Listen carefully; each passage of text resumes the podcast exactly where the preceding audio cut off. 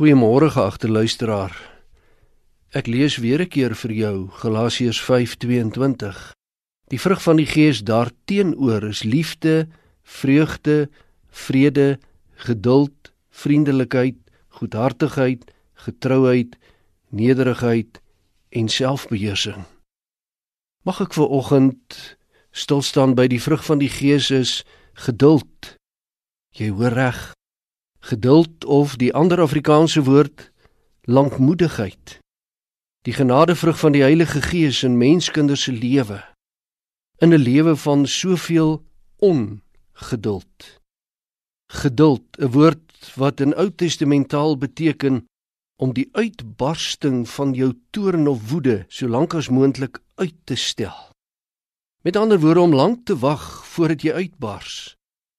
Maar luister ook na die Nuwe Testament betekenis van die woord geduld.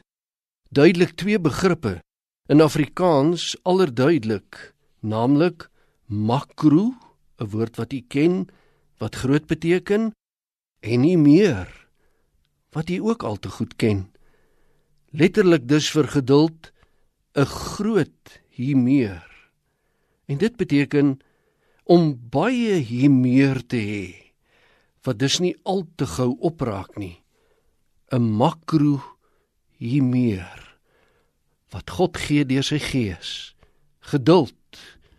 Die lang asem wat 'n nietig mens van die gees van God ontvang. Die vermoë om rustig en geduldig te kan bly.